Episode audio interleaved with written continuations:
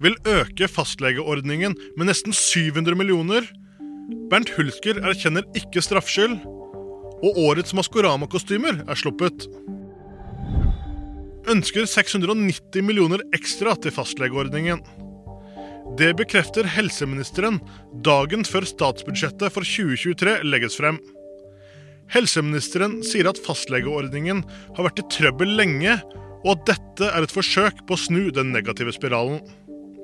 Budsjettforslaget vil gjelde fra 1. mai neste år. Bernt Hulsker møter i tingretten i dag.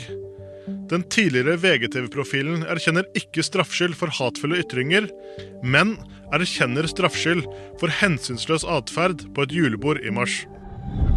Dette er de nye Maskorama-kostymene.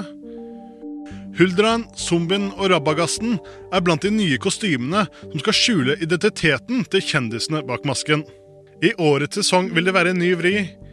I hver episode skal en ny gjestedommer bidra med tips for å hjelpe Marion Ravn, Jan Thomas og Nicolay Ramm avsløre hvem som gjemmer seg bak kostymene. VG Nyheter fikk av meg, Thomas Bløndal.